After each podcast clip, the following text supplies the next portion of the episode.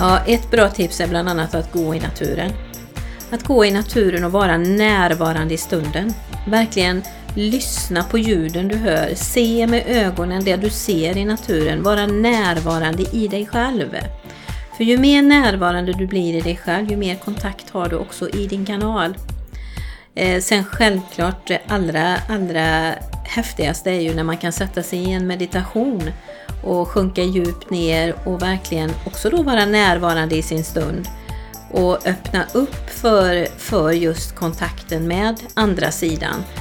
För att då har de ju möjlighet att komma oss nära och många gånger när man börjar sin meditationsbana, när man ska lära sig att sitta i stillhet, så brukar det vara tankarna som är det värsta som anfaller en och man får liksom ingen lugn och ro. Och man får ha lite tålamod med det där, att verkligen ge sig den tiden så att man hittar sin egen stillhet. Du lyssnar på The Game Changers Podcast för en hållbar kropp, själ och planet med Jenny X Larsson och Jessica Isigran. Hej och varmt välkommen till The Game Changers Podcast. Idag är det jag, Jenny Larsson, som är här och har en jättespännande gäst med mig. Ann-Britt. Hej! Välkommen! Tack Hej. så mycket! Det ska bli så spännande att prata med dig idag. Det ska bli så spännande att få vara med här idag. Tack! Ja, det, det, vi har sett fram emot detta länge. Både jag och Jessica har ju varit hos dig. Och vi ska snart komma in på vad du jobbar med. Eh, jag vill bara nämna för våra lyssnare först att vi har en retreat den 16-18 oktober och nu när vi spelar in det här så Eh, är det två platser kvar bara. Så känner man sig dragen till den här eh, helgen så ska ni absolut anmäla er nu för eh, det, ja, platserna går som smör i solsken och det kommer bli djupt transformerande och en underbar energipåfyllning. Och det finns länkar i detta avsnittet och det finns också på våran Instagram, The Game Changers Podcast. Om ni går till eh, bion där så hittar ni all information. Så häng på om du känner dig dragen till detta. Ja, Ann-Britt. Du är verksam som spiritistiskt medium och healer sedan många år tillbaka. Du har drivit Kraftens källa på heltid sedan 2012. Och eh, du jobbar utifrån känslan i ditt hjärta. Och eh, både jag och Jessica har ju faktiskt varit hos dig som jag sa. Och eh, vi har ju upplevt det otroligt stöttande och värdefullt just när man är då i sin resa. Ehm, och eh, därför är det extra roligt att du är med och vill vara med och berätta om din resa och dina erfarenheter och din visdom. Ehm, så jag tänker så här först, eh, om du träffar någon Ann-Britt på en middag eller så, och du ska berätta vad du jobbar med, hur beskriver du det då? Ja, det beror ju precis på vad det är för en middag. Ehm, men jag säger nog att jag jobbar med personlig utveckling. Och Ja. sen vart efter middagen går och jag känner av energin på dem jag sitter med så brukar vi ju öppna upp naturligtvis vad det är jag jobbar med och att jag har mina inkänningar och att jag upplever och ser saker. Mm. Så att det brukar komma fram. Men många gånger så när jag kommer på en middag så är det, om jag inte känner folk så vet de någonstans ändå vad jag jobbar med. Och då blir det alltid en massa nyfikna frågor. Och många gånger får jag ju den här frågan, ser du döda? Kan du kommunicera med döda? Ja. Det är liksom standardfrågan så. Och det är ju inte riktigt så det funkar. Men eh, det är ju vad folk tror och vad folk undrar över. Många blir också väldigt rädda och tror att jag ser igenom dem. Ja, just det. Liksom, oh, nu får man akta sig för hon, hon ser liksom igenom mig här. Ja, man får inte tänka något ofördelaktigt. Nej, förlåt. precis. Ja, nej, just det. Men eh, ja, det brukar vara lite humor med det faktiskt. Ja. Upplever du att den eh, inställningen till vad du jobbar med, nu säger du mycket nyfikenhet, har det förändrats under åren som du Ja, började? ja, absolut. Det har ju det verkligen gjort. I början kunde jag ju inte riktigt prata om vad det var jag jobbade med egentligen. Alla var nyfikna men ingen vågade prata om det. Idag är det ju en öppenhet på ett helt annat sätt. Ja. Så att absolut är ju folk mycket mer medvetna, vakna, eh, upplever saker själva och ja, men vågar möta det på ett annat sätt än vad det var förut. Mm. Så det tycker jag absolut. Mm. Mm. Härligt. Eh, jag tänker så här, eh, en del som lyssnar kanske känner till dig, men du får jättegärna eh, ge lite bakgrund på din resa. Du har drivit det här i åtta år nu, Kraftens källa. Eh, kan du ge oss lite bakgrund om resan fram till Du startade Fram till jag startade. Alltså, jag har ju jobbat, eh, haft fulltidsjobb ända sedan jag började jobba i 20-årsåldern. Och jobbat med människor alltid. Och jobbat med försäljning.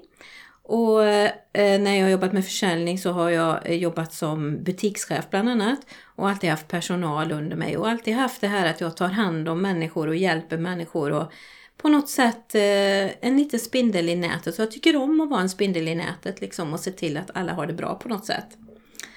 Eh, min egen resa startade ju ihop med en skilsmässa jag gick igenom i 30-årsåldern. Då tog den verkligen fart för då hade jag väldigt mycket funderingar på existentiella frågor såklart. Liksom varför det blev som det blev i mitt liv och Ja men det var mycket saker som man funderade på. Jag började söka och gick kurser och utvecklade mig själv och sen så eh, skaffade jag en hund. Eh, min Chico, en liten bichon frisé. Och han var verkligen min ögonsten och jag skaffade honom tillsammans med min son som då var sju år för vi var precis efter skilsmässan. Och, så han blev väl liksom våran nya familjemedlem som, som skulle hjälpa oss igenom det här på något vis. Och det gjorde han ju. Men det var bara det att när han var ett halvår så blev han sjuk och fick kennelhostan väldigt eh, svårt. Och det gick så djupt så att det satte sig på hans eh, hjärtmuskulatur. Så han blev jättedålig. Och i det så blev också magmunnen väldigt skadad på honom. Och eh, då sa veterinären till oss att vi skulle behöva ta bort honom för att det var inte humant att han skulle få leva med de här problemen som han hade. Och då kände jag bara att det får inte hända liksom. Vi kan inte förlora Chico nu när vi liksom har knutit så starka band och han kom med all den kärleken till oss som han gjorde. Så att eh, jag sökte upp en homeopat och hon lovade sig att ta sig an eh, hunden då fast hon hade aldrig behandlat någon hund tidigare. Och började behandla honom med homeopatmedel och visade sig också att hon var reiki-master, så hon jobbade med reiki. Så hon började även att ge eh, Chico healing. Och i den här känslan när hon började få en vändning på hans sjukdomstillstånd så kände jag hur mycket kärleken till honom var värdefull för läkningen. Mm. Och jag gav honom healing hela tiden genom min kärlek och att hålla i honom och, och prata med honom och allt det här som jag trodde på. För jag har alltid haft en tro på någonting som är högre än oss själva. Mm. Och hur det nu än var så blev ju Chico läkt. Han, eh, han blev bra. Mm. Och på djursjukhuset så kunde de inte riktigt förstå vad jag hade gjort med hunden. Alltså hur, hur kunde han bli bra? Men jag visste ju vad det handlade om. Det handlade ju om den här frekvensen av kärlek och helande energi från kosmos. Och det gjorde att jag började att utbilda mig själv i reiki. Så jag gick och tog alla mina reiki-steg. Jag tog även steget för reiki master teacher och höll kurser själv sen. Och det var under tiden som när jag jobbade med min healing som också den spirituella, andliga delen fördjupades väldigt hos mig. Och jag kunde ta emot budskap till någon som låg på britsen. Jag kunde förmedla budskap från någon som inte fanns i den här världen utan som fanns i den osynliga världen. Jag kunde berätta hur de hade bott och hur de hade levt och vad de hade för connection med varandra och vilka budskap som, som den individen från den osynliga världen ville ge till den personen som låg på britsen. Och, och det där bara flödade på. Och jag förstod egentligen inte riktigt vad det var som hände. Utan jag öppnade upp väldigt mycket. Och det gjorde ju i sin tur sen att jag ville ju undersöka lite mer vad det här var inom mig som, som kunde göra så här. Eller som kunde ge mig sådana budskap. Så att det gjorde ju att jag började med, med mediala utvecklingskurser, gick olika kurser. Och jag har varit i England på Arthur Findlay och jag har verkligen utforskat olika lärare bland annat. För att se lite grann vad, vad min sanning är. Just det. Så att eh, det var väl det som till slut ledde mig fram till att jag ville ju jobba mer med det här på heltid. Mm. Och det var väldigt svårt att kombinera familj, ett heltidsarbete och så göra det här vid sidan om. För jag brann så mycket för det här, gör ju det fortfarande såklart. Men för att kunna få vara en länk till eh, människor från den osynliga världen. Både med healing och med, med budskap såklart. Så att till slut blev ju situationen ohållbar för mig. Så att jag var tvungen att välja vad jag skulle, vad jag skulle lägga min energi någonstans helt enkelt. Mm. Och då blev det så att jag startade upp Kraftens källa på heltid. För den här Kraftens källa när vi startade, vi var fyra stycken från början. Eh, och det ebbade ju ut vartefter och till slut så var jag nu då ensam med det och det, det har ju funkat jättebra så att eh, mm, Mm. Så är det. Mm. Ja, härligt. Mm. Var, det, var du aldrig rädd där när du drog igång eller att det skulle bära sig? Eller hur Jag var livrädd. Ja, du var livrädd. Ja, Jag var livrädd och min man var livrädd. jag var ändå räddare. Ja, vad, vad håller du på med? Ska det gå? Hur ska det gå? Ja. Jo, det är klart att det har ju inte alltid bara varit en dans på rosor. Det vet ju alla som driver eget företag att det inte är så enkelt. Och i en sån här bransch som kanske dessutom då är ifrågasatt vad det är man, man gör.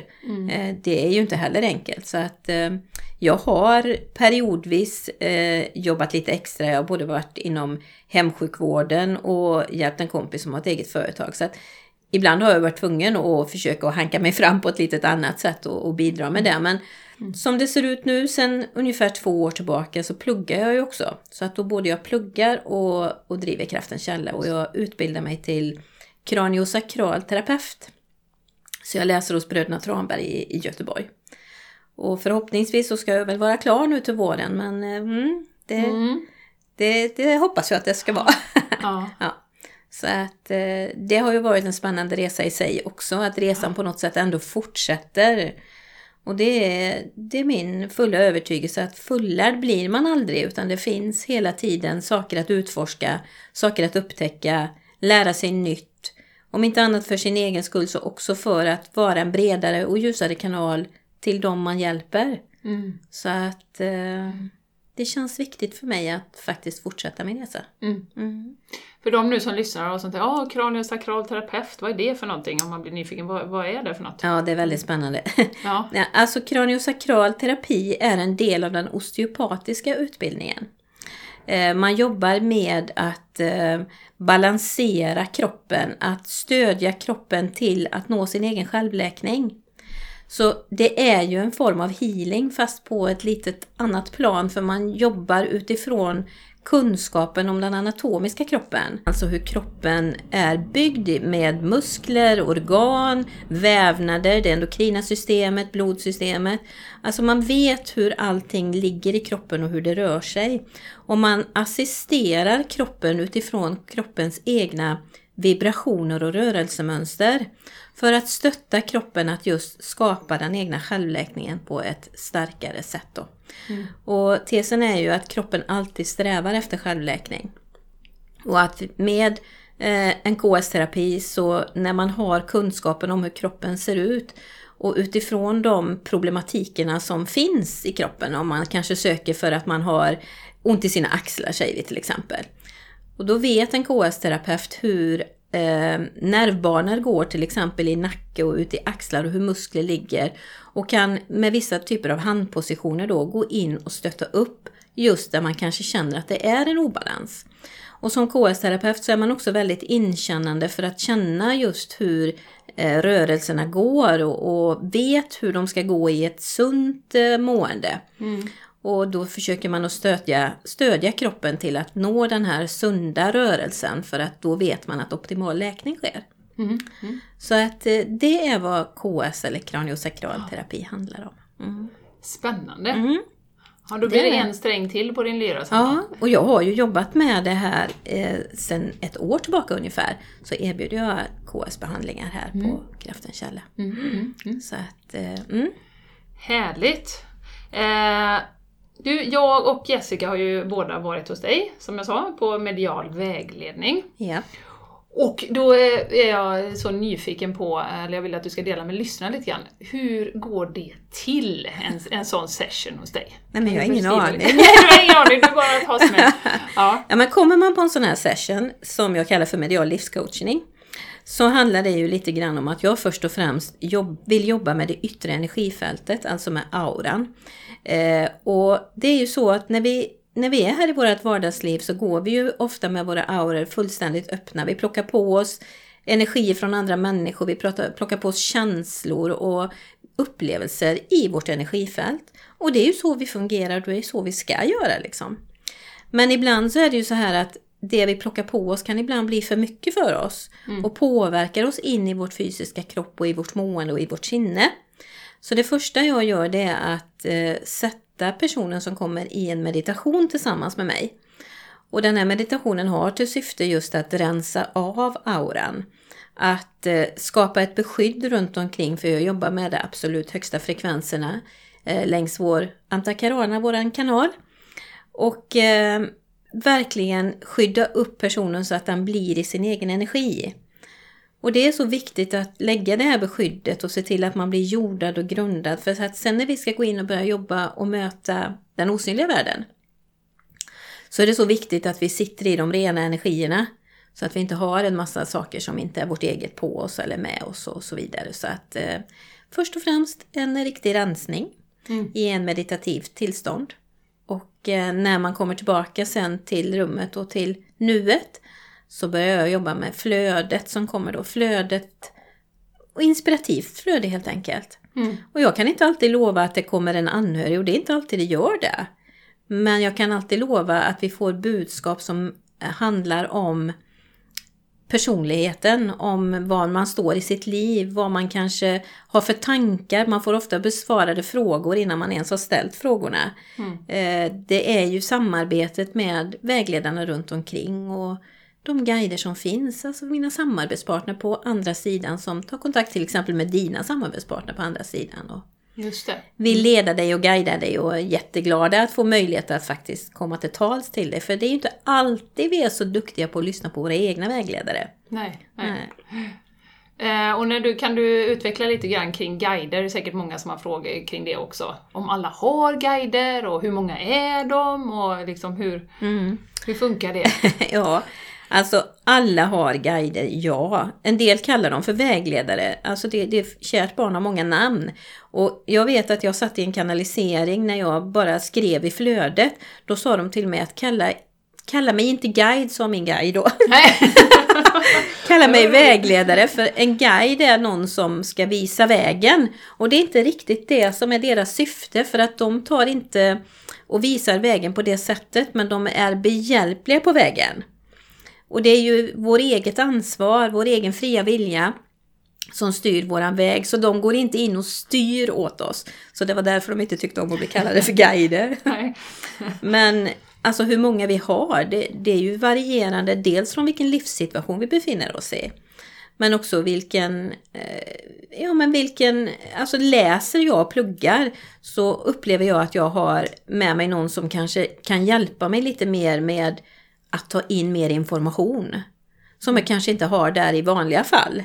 Eh, jag vet att när jag fick min andra son så upplevde jag att jag fick en väldigt nära energi och det visade ju sig att det var ju en gemensam guide eller vägledare som gick in för att hjälpa oss i våran anknytningsprocess. Mm.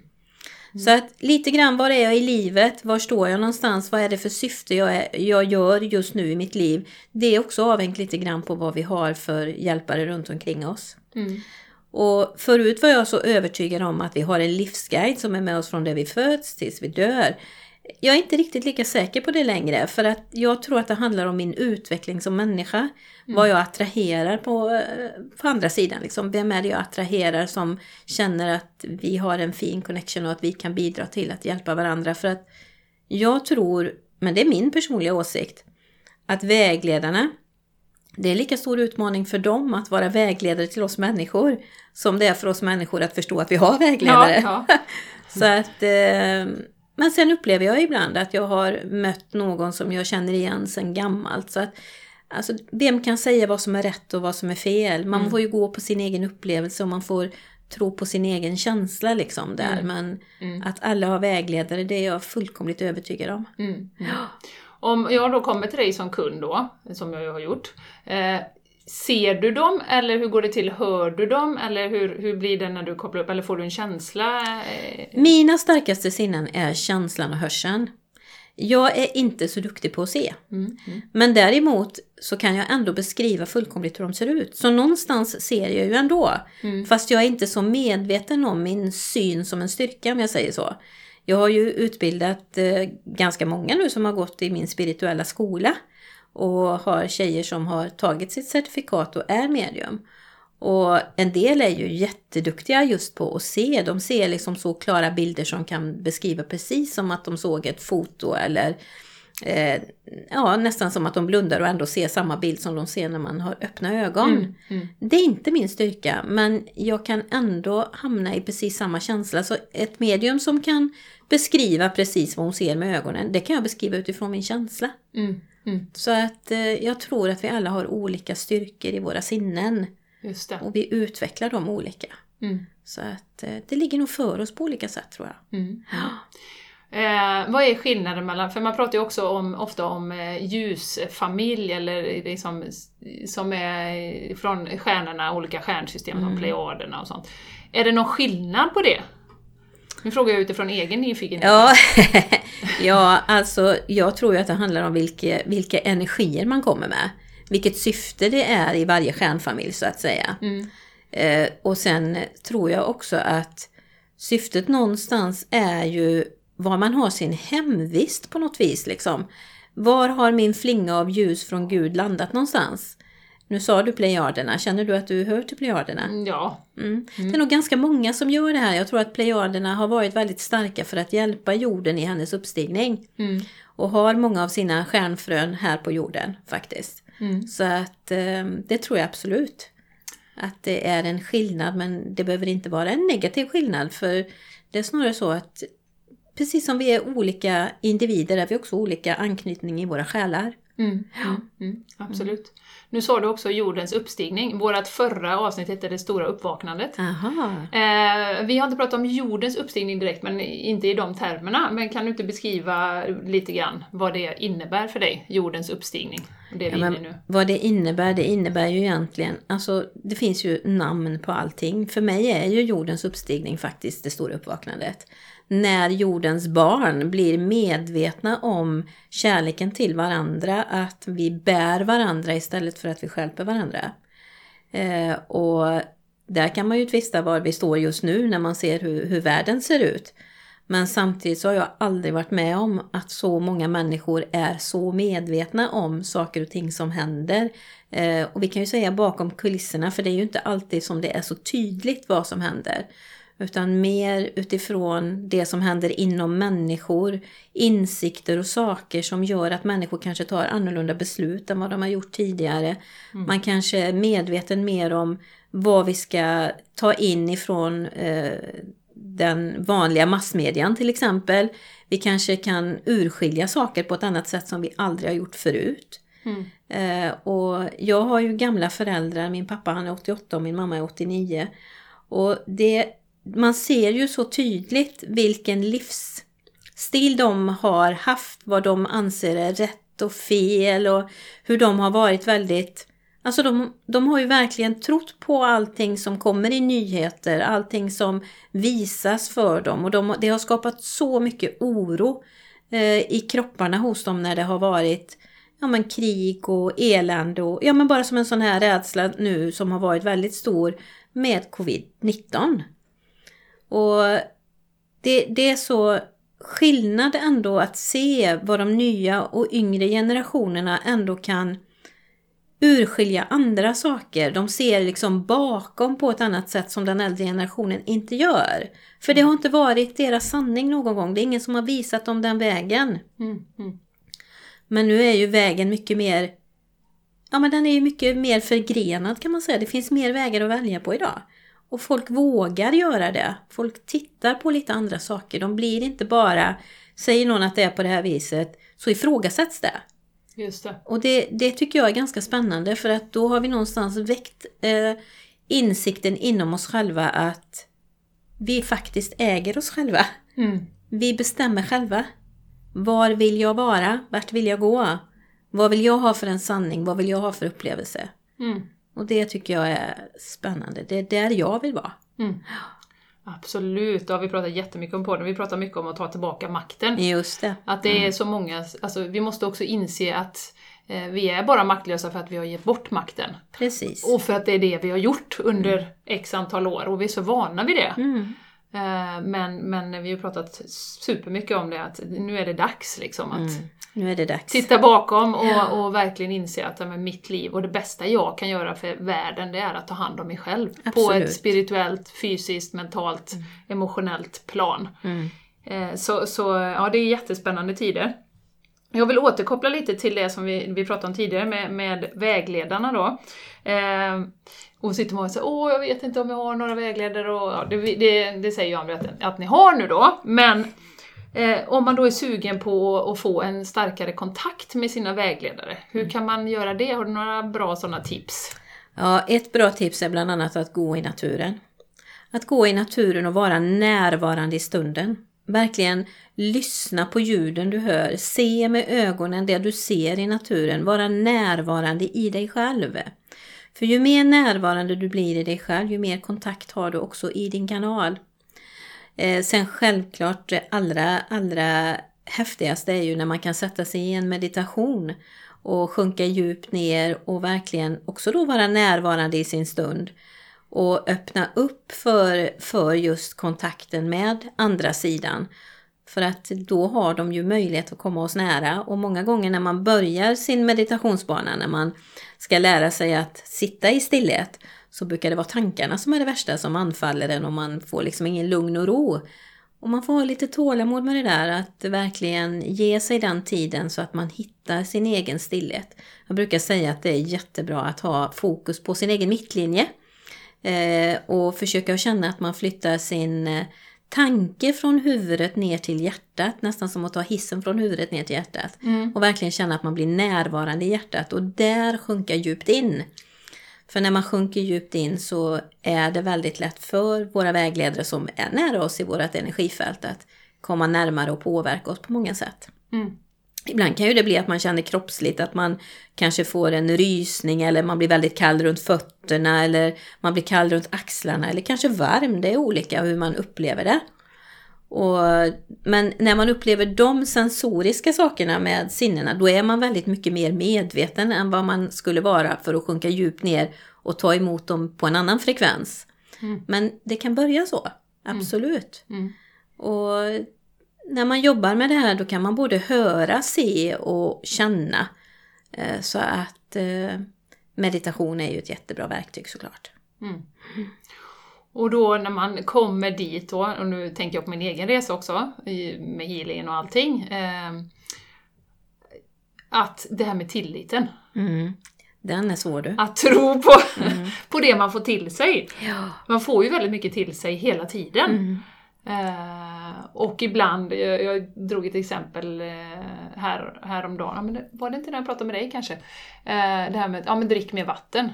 Det är så enkelt som man tror att det är liksom, ja men det, ja, det har jag hört någon gång och så precis, har jag hittat på det.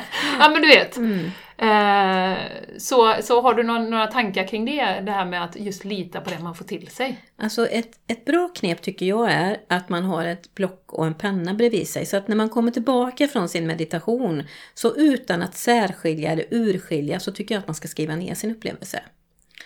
Och inte fundera så mycket, upplevde jag det här eller såg jag det här, kände jag det här, utan skriv ner det. Mm.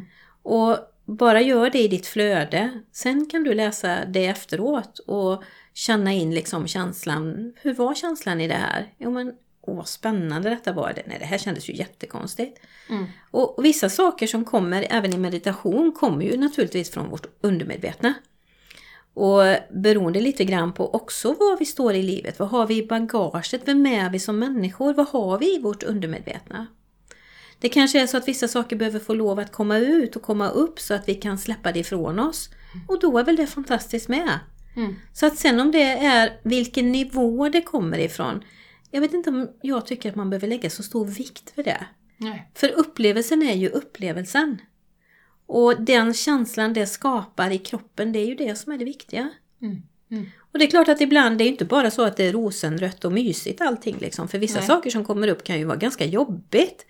Mm. jag har gjort meditationer där jag känner att, nej men åh vad jag blir sorgsen, jag blir jätteledsen och kanske släpper väldigt mycket saker ifrån mig.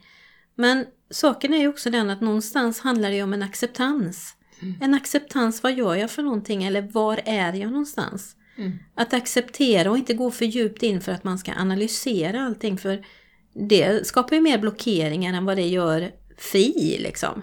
Mm. Så att um, nej, tilliten det är det svåra att mm. hitta just att våga tro på det jag upplever. Våga känna att det är min sanning. Absolut. Mm.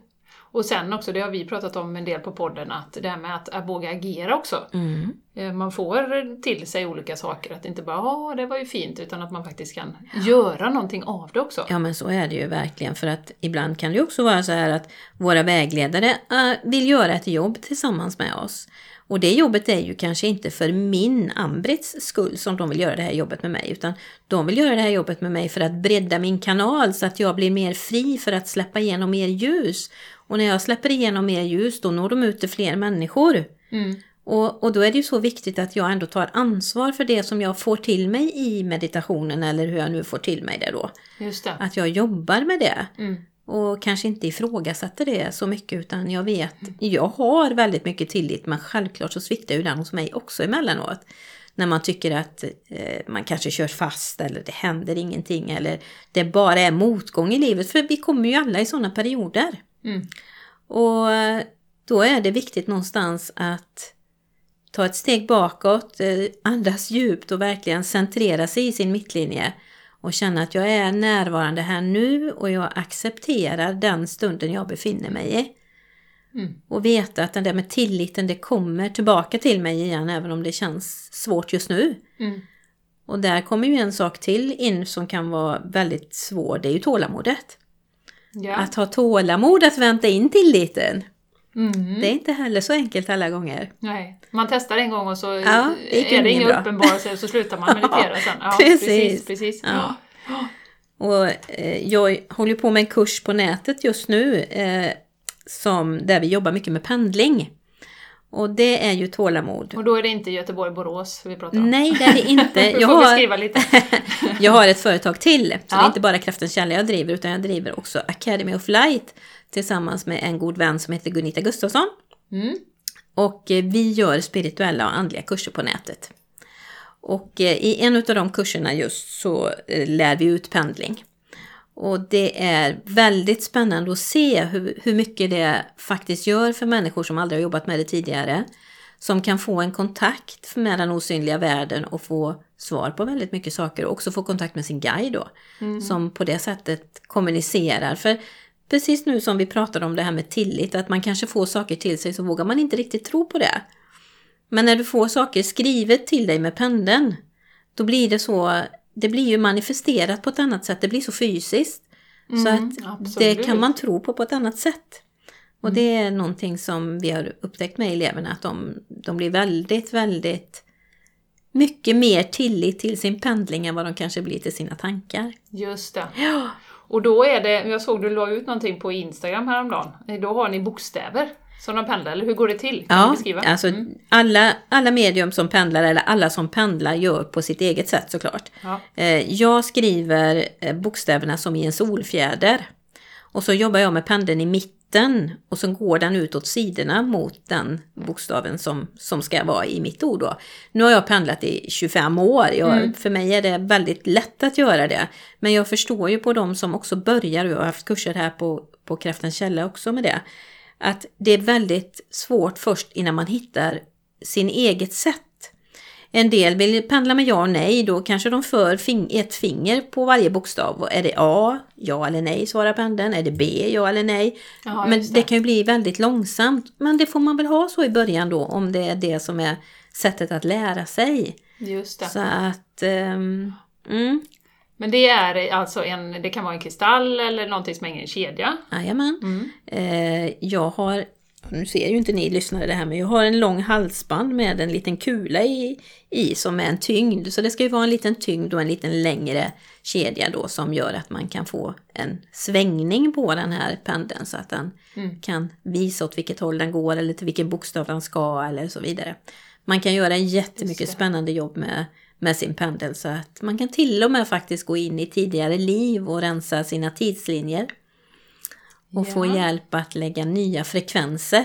Mm. Så att eh, pendeln är magisk. Spännande. Mm. Eh, jag tänker lite på änglakort också när du pratar om pennor, för det blir ju också väldigt eh, tydligt Jajamän. när man får en bild och ett budskap. Mm.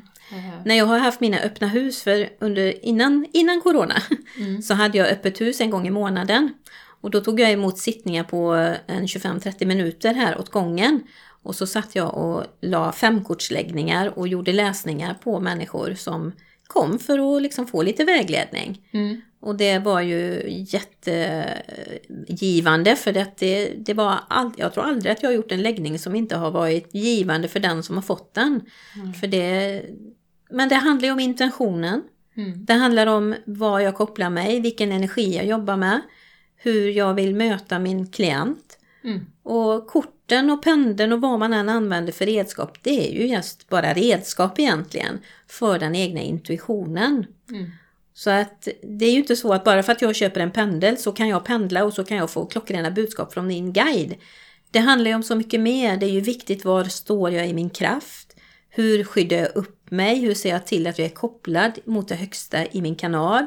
Mm. Så att jag inte får in en massa skräp. Mm. För självklart så finns det ju frekvenser och nivåer av energier som inte är bara av kärlek heller. Mm. Och det är ganska lätt att de tar plats i sådana situationer om man inte är medveten om hur man jobbar rent så att säga. Mm. Mm. Så att jag vill ju inte säga att nu ska ni alla gå och prova det här med pendel för att det kan ni absolut göra men jobba med beskydd, jobba med kraften av det högsta. Se till att du är jordad och grundad och verkligen står i din egen kraft. Mm. Och inte tar emot energier från någon annan nivå än den absolut högsta rena. Precis. Men det räcker med en intention att jag ska jobba med det högsta, renaste ljuset när man gör det? Eller hur skulle du beskriva det? Alltså intentionen är ju den viktigaste såklart. Mm. Eh, Jag jobbar ju väldigt mycket med någonting som heter invokationen. Och invokationen är som en ritual och den gör jag på alla som kommer, när man kommer på sittning, jag har gjort den med dig också. Mm. Eh, Jag startar alltid meditationen då, som vi pratade om tidigare, med invokationen. För det är ett energibeskydd. Och det är befäster vad min intention är. Den befäster min energi upp till det absolut högsta. Den befäster min energi ner till Moder Jords kärna. Det är liksom som en ritual kan man säga. Ja. Och den, den, den lär vi ut till alla våra elever också. Liksom att ska ni jobba med det spirituella, ska ni jobba med andlig verksamhet så jobba med invokationen först och främst. Mm. Mm. Mm. Spännande. Eh, känner du att alla verkligen kan lära sig att höra och känna andevärlden? Om man har viljan, Mm. om man har intentionen igen i hjärtat, om man vågar möta sig själv skulle jag nog vilja säga. Mm. För att först och främst så måste man våga möta sig själv. Det går inte att tro att någonting ska bara komma utifrån. Man måste också veta vem man är inom sig själv. Mm. Så att eh, ja, jag uppfattar i min känsla att alla kan lära sig på ett eller annat sätt. För alla kan lära sig stillhet. Mm. Alla kan lära sig att just möta den här frekvensen av kärlek till sig själv. Sen vem som är beredd att göra det, det kan vara en annan femma. Mm. Ja. Och hur man har en uppfattning, en personlig uppfattning av hur det där ska gå till, det kan också vara en annan femma. Mm. Eh, upplever du att det största hindret eh, där är just att man kanske är rädd för att möta sig själv? Mm, det gör jag faktiskt. Man vill inte titta på, Nej, på sina, i sina skrymslen så att säga, vad Nej, man har precis. för bagage med Man sig. kan ju ha ett bagage med sig från det man till exempel är liten och man har kanske haft en svår barndom och man har kapslat in det. Och man kan vara väldigt inkännande och uppleva saker för man har liksom kapslat in det men så har man gått vidare och så har man ändå upplevt och, och får mycket kontakt och så. Men hur det än är, det kommer alltid tillbaka på något sätt. Mm. För djupheten i oss, den är ju från grunden. Och det är inte det att jag säger att man måste gå in och älta allting som har varit. Absolut inte. För det kan ibland bara ställa till mer problem. Mm. Men man kan behöva gå in och förlåta. Ja. Acceptera, förlåta och genom förlåtelsen också släppa det. Mm. För har du släppt det då, då har du skapat ett fritt utrymme för att ta in mer ljus i kroppen. Mm. Så att det tycker jag är väldigt viktigt att vi på något sätt accepterar våra demoner som vi har. Mm. Eller våra dolda saker som vi har kapslat in. Att vi accepterar det, förlåter oss själva för det och släpper det ifrån oss. Mm. Mm. Ja, det är så roligt. Jag tänker på Jessica, hon är ju inte med oss här idag, men eh, hon, hon hade ju en, en psykiskt sjuk mamma när hon var liten. Ja, Och eh, någon gång eh, i 20-30 års åldern så var det en, en eh, medial eh, gubbe som sa till henne "Ja, Hur länge ska du tugga din mamma då? är du färdig med det nu? För det blir ju också en identitet Ja, som man liksom tar med sig och jag har det så svårt för detta, min barndom var ju... Och så vidare och så vidare. Och så har man så svårt att komma vidare. Och vad är man då? Ja, Ja. men man är ju ett offer. Ja, Ett offer för sin situation. Mm, Man tar inte fullt ut ansvaret. Och, och det är ju så vi är människor. Och det är ju ingen som vill vara ett offer såklart. Och det är ingen som vill identifiera sig med att man är det. Men man har en mönsterbildning. Mm. Och den här mönsterbildningen sätter en i den situationen. Mm. Så att det är ju en fantastisk gåva när man får se det. Mm. Och kanske då vågar ta tag i det och göra någonting åt det och förändra sitt mönster. just det. Det är ju då som vi kan få till en förändring i våra liv. Precis. Och det är ju det som vi är inne i nu här, det, det stora uppvaknandet som vi pratar om. Mm. Verkligen. Makten tillbaka och, och allt på personligt plan och på ett globalt plan och Mm. i samhället och, och överallt som vi ser det. Mm. Ehm, bra, vad var det jag skulle fråga? Jag skulle fråga någonting om det. Ehm, jo, ehm, vi pratar ofta om att energierna nu då, i och med att vi är inne i det här uppvaknandet, Mm. är väldigt gynnsamma för förändring och att lämna ryggsäckar bakom sig. Verkligen. Hur ser du på det? Ja, jag håller fullkomligt med dig. Mm. Eh, Alltså energin är väldigt gynnsam till att saker och ting går väldigt snabbt. Eh, uppvaknandet går väldigt snabbt. Vi ser ju det också på våra spirituella kurser. Att när eleverna börjar att jobba med sina uppgifter och sina verktyg så händer ju saker jättesnabbt. Mm. Och det, det är inte små saker som händer utan det händer verkligen stora omvälvande saker i livet. Eh, och de får insikter och de kan börja uppleva saker som, som förr kanske tog alltså flera år att göra. Ja. Det går på några månader nu. Och så att Nej, jag upplever verkligen att det är gynnsamt. Det är gynnsamt att få möta de här energierna och få eh, insikter i kroppen och släppa saker ifrån sig. Och, ja, nej, jag håller Mm. med dig till 100 procent. Ja, Ja. för jag upplever ju i mitt eget healingarbete att det liksom accelereras på något sätt. Jag säger inte att det är bättre eller sämre än vad Mm. Nej. det var innan, men det är helt klart accelererat. Det går snabbare. Går snabbare Mm. och liksom så mycket mer dynamiskt och kraftfullt på något Mm. sätt. Det gör det. Eh, Ja, men det, det är ju också hur det än är. Och det går ju inte riktigt att bevisa kanske så, men tiden går ju också snabbare. Det är min upplevelse. Mm.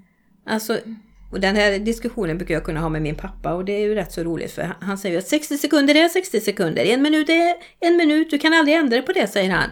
Nej, det, det kan jag inte säga jag, men frekvensen rör sig snabbare och det blir, det blir en upplevelse av att tiden också går fortare. Mm. För att samtidigt så kan han hålla med om det att han tycker att tiden går väldigt fort. Mm. Mm. Och, och det tycker jag också att den gör. Alltså det, ibland känner man ju, nej men vad tog den här veckan vägen? Det var bara måndag och fredag och liksom nu är det helg igen. Ja, precis, precis. Ja. Så att visst, visst är upplevelsen att tiden går snabbare men frekvenserna rör ju sig snabbare. Mm. Mm. Så att Ja, absolut. den gör det. Ja. Ja, vi har ju varit inne i, eller vi är inne i en turbulent tid. Eh, Ja, senaste sex månaderna, jag berättade för dig innan Ann-Britt, vi har pratat om saker vi aldrig trodde vi skulle prata om i den här podden. Nej. Eh, och hur ser du på det som händer i världen och, och kanske då framförallt ur ett spirituellt perspektiv? Är det här liksom för att hjälpa oss utvecklas? Eller hur ser du på den här situationen som vi är i nu med, med allt som kommer upp till ytan? Ja, alltså jag, jag tror att vi är väldigt tvingade att vara i den här situationen för just att bli mer medvetna om vårt eget ansvar. Eh, att inte, att inte liksom kunna gå, eller behöva gå i ledband hela tiden, utan för att vi ska kunna utvecklas och stå mer i vår egen personliga kraft så måste ju saker och ting komma upp till ytan såklart så att medvetenheten ökar för, för vad som pågår bakom kulisserna och vad som har pågått kanske under väldigt lång tid som inte är så varken hälsosamt för oss människor eller då menar jag både fysiskt och psykiskt liksom. Och jag tror någonstans att den här svåra tiden, för det är ju verkligen en svår tid. Mm. Det är ju inget enkelt, så även om, om det ibland pratas och nästan romantiseras att åh, det stora uppvaknandet händer nu. Det är ju jättesvårt för många människor. Mm. Och, och det är ju tungt, liksom. det är ju tunga tider, det är problematiska tider för många människor. Och jag tror ändå att det är till nytta för oss för att det kommer att komma något gott ur det där vi kan stå mycket mer stadigt i den kraft som var och en människa bär. Mm. Men det är inte lätt tid nu. Det är verkligen ingen lätt tid. Och någonstans är det ju också så att för oss som då kanske är lite mer medvetna, som har öppnat upp lite mer, som kan vara lite mer vida i våra tankar om vad som sker och händer. Det är ju också så viktigt att vi har empati med de som inte kan det. De som inte förstår uppvaknandet. Mm. De som bara upplever, ja men kanske till och med upplever hat, upplever rädslor, eh, stora förluster, ekonomiska förluster.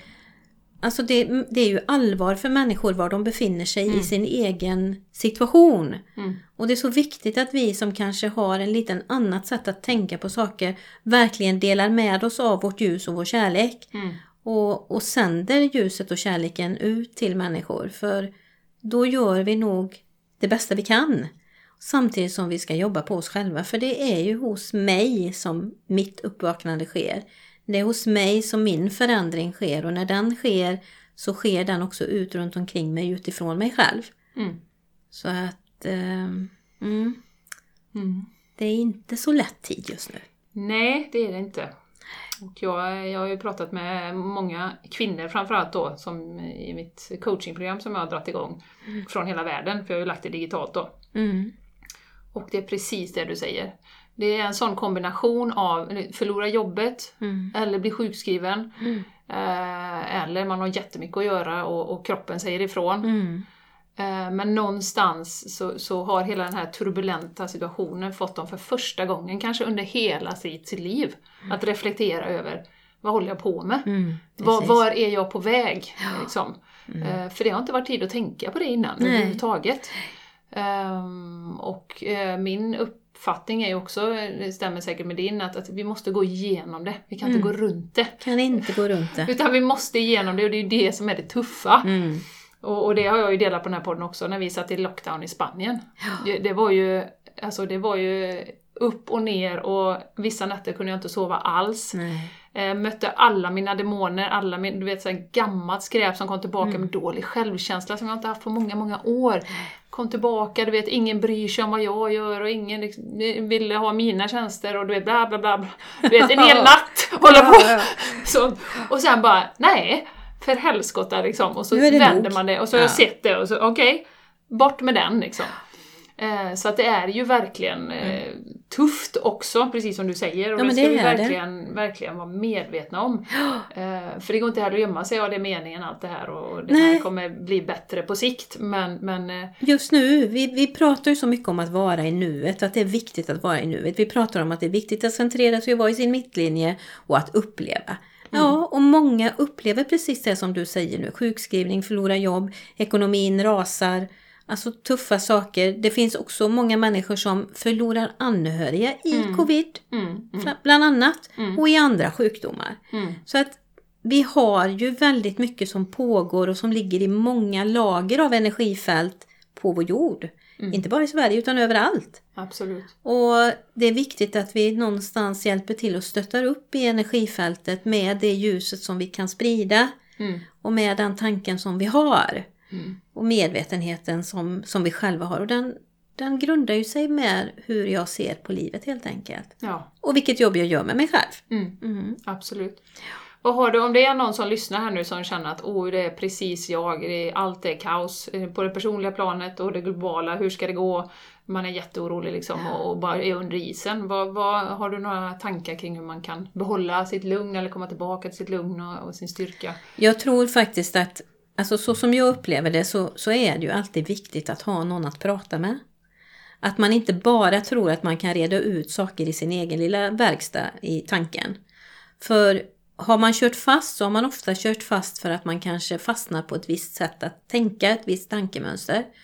Och då är det ganska givande om man får vända sina tankar tillsammans med någon man litar på. Någon som man känner att eh, man kan ha tilltro till och lyssna på svaren ifrån. Eh, så att jag tycker att prata, kommunikation, det är ju det som hjälper oss att komma framåt.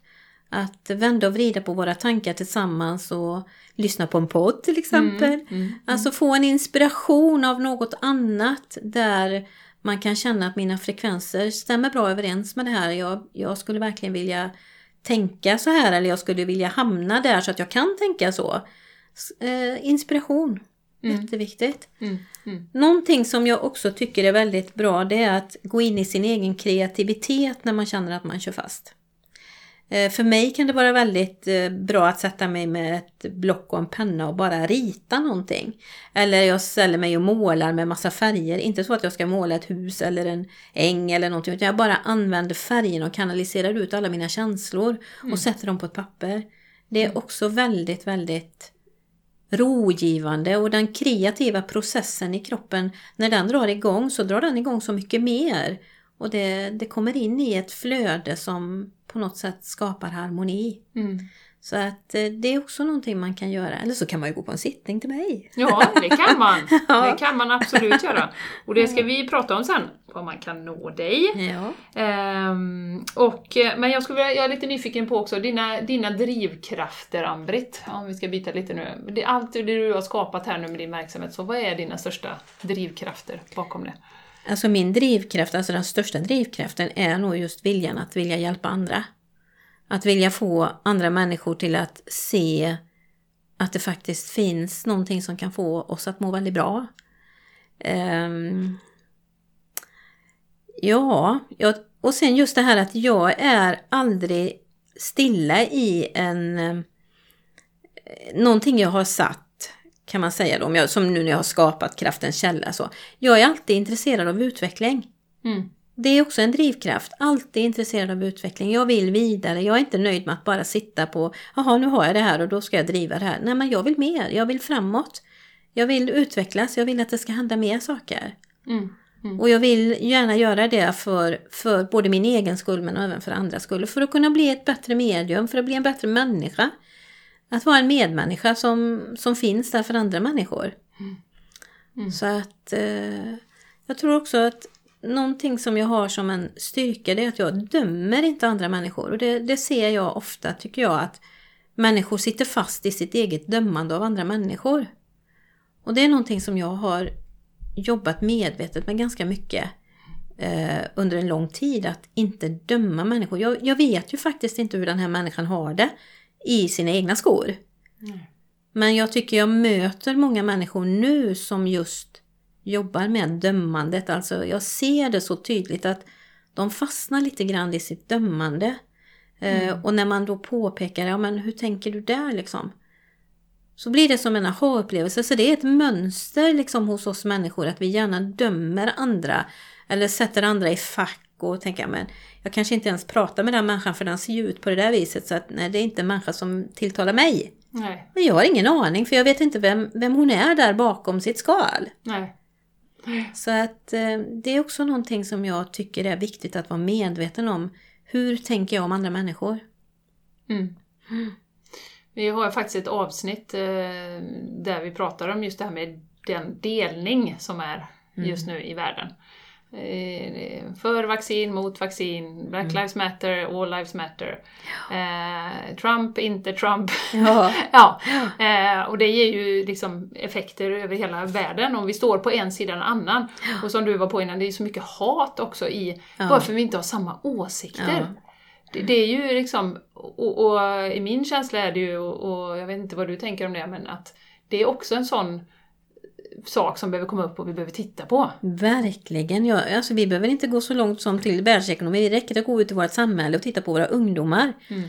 Sicken, sicken fruktansvärd situation faktiskt många av våra ungdomar har idag. Mm. Det ska vara bekräftelser hit och dit. De ska ha likes, de jagar liksom likes.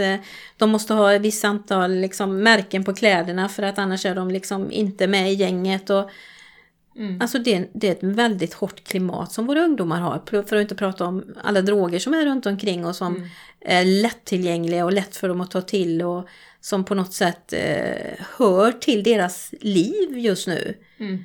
Och mycket våld, mycket, mycket våld och mycket hot och skrämsel. Och, Mm. så att vi har ju mycket som vi kan göra runt omkring oss på nära håll liksom, för Mm. att faktiskt Absolut. stödja och hjälpa våra ungdomar och våra, våra barn. Mm. Mm. Och sätta gränser liksom, som är kärleksfulla i dem för att det ska få växa med dem. Mm. Men det är inte lätt. Nej.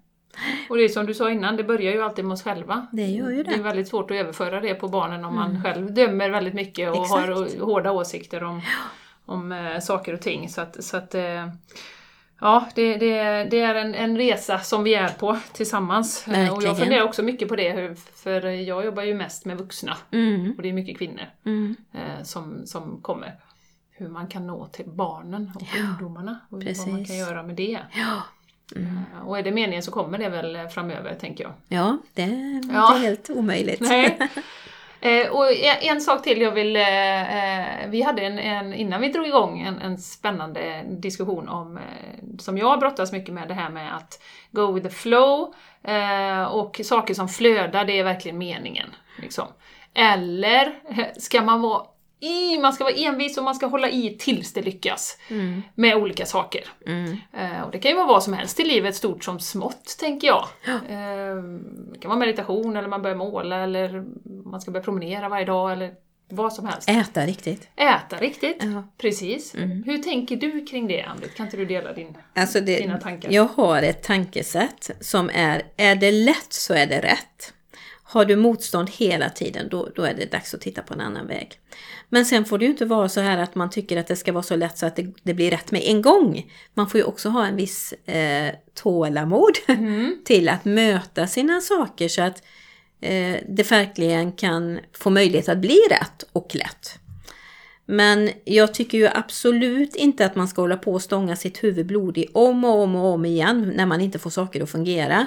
För det är väl en tydlig vägvisare, åtminstone för mig, att nej men då ska jag göra något annat. Mm, mm.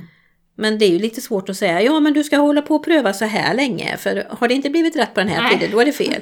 Det kan Två man ju, veckor. Ja, det kan man Fem. inte riktigt säga, utan det, man får ju någonstans också ha sin magkänsla, Mm. sin tillit. Mm. Vissa idéer man får kanske inte alltid är de allra bästa idéer, men de, man vill ju pröva dem ändå. Ja. Ja men pröva och se liksom vad känslan blir, vad bygger du för energi i det? Blir det bra? Nej det blir inte så himla bra. Nej men då kanske det är något annat du ska göra av det. Det kanske gav dig en annan lärdom.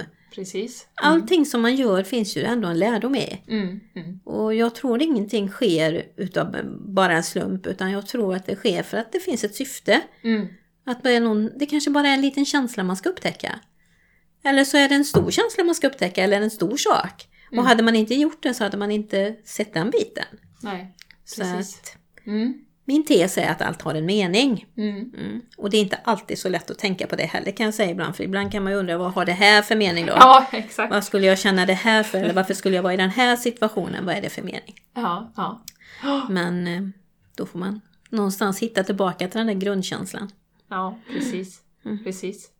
Nej men det är väl som du säger, och över tid, liksom, det, det får inte ta så himla mycket energi att det tar över och att man blir Nej. liksom helt uh, utplånad, eller depleted heter det på engelska. Att man liksom är helt slut av att tänka på den här idén att man ska göra det här och så. Utan Då har det gått för länge. då har det gått för länge, precis. Utan att man, som du säger, är inkännande Mm. i, i faktiskt. Har, och har man suget att fortsätta. Ja men precis. Liksom, har jag suget? Nej, jag ska banne mig lyckas med det här. Och, och har du det, så länge man har det suget och den envisheten så är, är det väl eh, bra då. Passion är ju jättebra. Mm. Har du passionen, precis som du säger sugen, ja men då, då ska du vara där. Mm, mm, Då är det någonting du ska hålla på med för då finns det en energi som kan växa där. Härligt! Eh, ja, Ann-Britt, eh, vi börjar eh, närma oss eh, slutet här nu, men först vill jag bara fråga, vem inspirerar dig? Jag kan tänka mig att du inspirerar många som kommer till kurser, på kurser och så, men har du någon sån inspirationskälla där du hämtar? Alltså jag är väldigt inspirerad av till exempel Jörgen och Christer Tranberg då som jag läser för när jag läser min kraniosakrala terapi. Eh, jag tycker att de är fantastiska människor som, som verkligen lever med ödmjukheten inför andra och ödmjukheten inför sin egen kunskap och att dela med sig och så vidare. Så att de känner jag inspirerar mig väldigt mycket men det finns så många människor som inspirerar mig. Min mamma kan inspirera mig ibland liksom, i hur hon tänker och hur hon säger saker. Liksom. Så tänker jag bara, åh, vad fantastisk hon är som har levt ett så långt liv och, och säger så kloka saker. Men jag kan lika gärna träffa någon i, i affären som jag pratar med och som inspirerar mig för att hon säger eller han säger saker som går rätt in i hjärtat. Mm. Saker som, som gör att jag blir påverkad på ett sätt som tar tag i mig.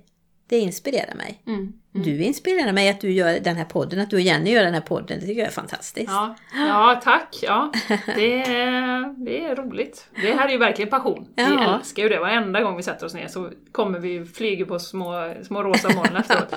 Så det är ju ett gott tecken. Ja. Eh, bra, du har ju många strängar på din lyra som vi sa, eller som jag sa tidigare. Eh, vad är dina bästa tips för en hållbar vardag? Liksom, för att man, det handlar, den här podden handlar mycket om hållbarhet. Kropp, själ och planet. Alltså det handlar ju om stillheten inom sig. Att faktiskt hitta den där mittlinjen. Nu kommer jag tillbaka till den igen, mittlinjen. Eh, att veta vem jag är. Att hinna bromsa upp lite grann och faktiskt ta tid att göra djupa andetag och vara närvarande i nuet. Sen självklart är det ju jätteviktigt, vad äter du? Hur tar du hand om dig? Sover du tillräckligt? Alla de bitarna som, som vi pratade om innan, att det är lätt att dricka vatten så är det så lätt att man nästan glömmer av det. Det är likadant med sömnen såklart. Och, och kosten och näringen, liksom vad ger jag min kropp? Vad ger jag kroppen för förutsättningar till att må bra? Mm. Jag har ju jobbat en hel del nu med DNA-tester och har ju gjort ett eget DNA-test där jag har fått eh, reda på precis hur min kropp eh, tar upp näring och omsätter eh, olika saker i kroppen. Och det har ju varit, det har ju varit en sån aha, en sån ögonöppnare för mig. Så att jag har ju tidigare ätit kosttillskott och tänkt att ja men det här är bra för det ska man äta. Mm. Men vissa av de kosttillskotten, dels har det varit för lite och andra har jag inte behövt och det jag har behövt det har jag aldrig ätit. Nej. Så att nu, nu vet jag exakt vad jag ska äta och jag känner att så bra som jag mår i min kropp nu, det har jag aldrig gjort innan. Alltså inte som vuxen i alla fall. Nej, nej. Så att jag mår fantastiskt bra i kroppen och tappat i vikt av bara farten liksom för att jag äter på ett mer hälsosamt sätt. Jag äter utifrån mitt DNA helt enkelt vad min kropp kräver. Mm. Och jag, kroppen har svarat direkt på det. Mm. Så under den här sommaren har jag gått ner nästan 8 kilo utan att jag inte ansträngt mig för det utan jag har ätit så som min, mitt DNA sa att det här, så här är det nyttigt för dig att äta. Mm. Och det svarade kroppen direkt på. Och jag har mer energi och jag känner mig pigg och jag känner mig ja, fräsch. Mm. Yes. Härligt. Ja. Gör du sådana DNA-tester också? Eller? Ja, jag, jag samarbetar ju med ett företag som gör det så att jag säljer det genom Kraftens källa. källa. Mm. Vad bra, ifall någon är nyfiken så är det Jajamensan. jättebra att, att veta. Absolut. Eh, vad är nästa steg då, eh, Ann-Britt? Vad har du i pipeline framöver här nu om vi tittar på hösten? Vad, Ja, vad har du på gång? Alltså jag kan ju känna lite grann att det har inte varit så lätt att starta upp kurser den här hösten som det brukar vara. Och det är Nej. klart att det har väl med pandemin att göra och det, det har jag full förståelse för. Eh, jag har startat upp lite utbildningar som ligger på nätet genom Kraftens källa. Men jag jobbar också lite hårdare nu med, eh, med Gunita och Academy of Light för att vi ska kunna driva igång lite mer där. Vi har en ny kurs som vi ska försöka släppa upp i höst som handlar just om hur du kan jobba med eh, orakelkort, att lägga läggningar och så vidare och bli en orakelmästare helt enkelt. Och sen har vi ju de här, en grundkurs då som är en spirituell grundkurs och sen har vi en transformationshealingskurs som går redan nu. Eh, Så det jobbar vi ganska mycket med. Jag ska fortsätta att plugga den här hösten så att jag verkligen blir färdig till, till våren och kan ta mitt certifikat och min terapeutroll där. Mm. Mm. Och ja, jag känner att jag har en hel del idéer mer. Jag skulle vilja ha även ett, precis som du pratar om retreat där. Jag har haft ett målarretreat när vi går in och målar en hel helg och ehm, verkligen går in i den känslan och det är helt fantastiskt. Så jag hoppas att jag ska kunna starta ett sånt i höst också. Mm. Mm. Men det är ju lite avhängt på det här med var vi får vara och var vi kan, hur många människor vi kan vara såklart. just det. Ja, Mm. men det ligger lite i pipen just nu. Mm. Vad spännande! Och nu då, eh, sist men inte minst, om man då nu sitter här och är jättesugen på att boka tid med dig eller vara med på någon av kurserna, var hittar man dig då? Då går man in på min hemsida som heter www.kraftenskalla.se. Yes, Eller så följer man mig på Facebook, där finns jag på Kraftens källa och det gör jag på Instagram också.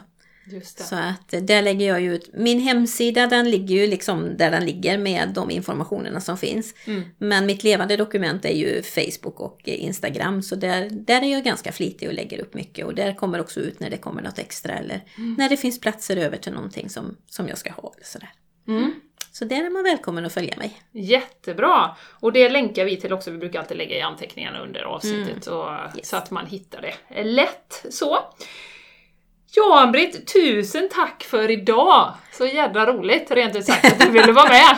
Jag var jätteglad att ni frågade, så det, det känns enbart roligt att ha fått vara med idag. Ja, ja kul! Tusen Nej, tack vi, vi, vi, eh, eller jag sa det innan här, jag gjorde en liten story på Instagram och sa du är så otroligt härlig, jordnära och eh, kärleksfull människa så att det är bara vara nära dig är väldigt härligt. Men tack, tack så Mm. mycket. Så roligt att, eh, och hoppas det hörs ut i, i lurarna också, den härliga energin som då, det gör det säkert.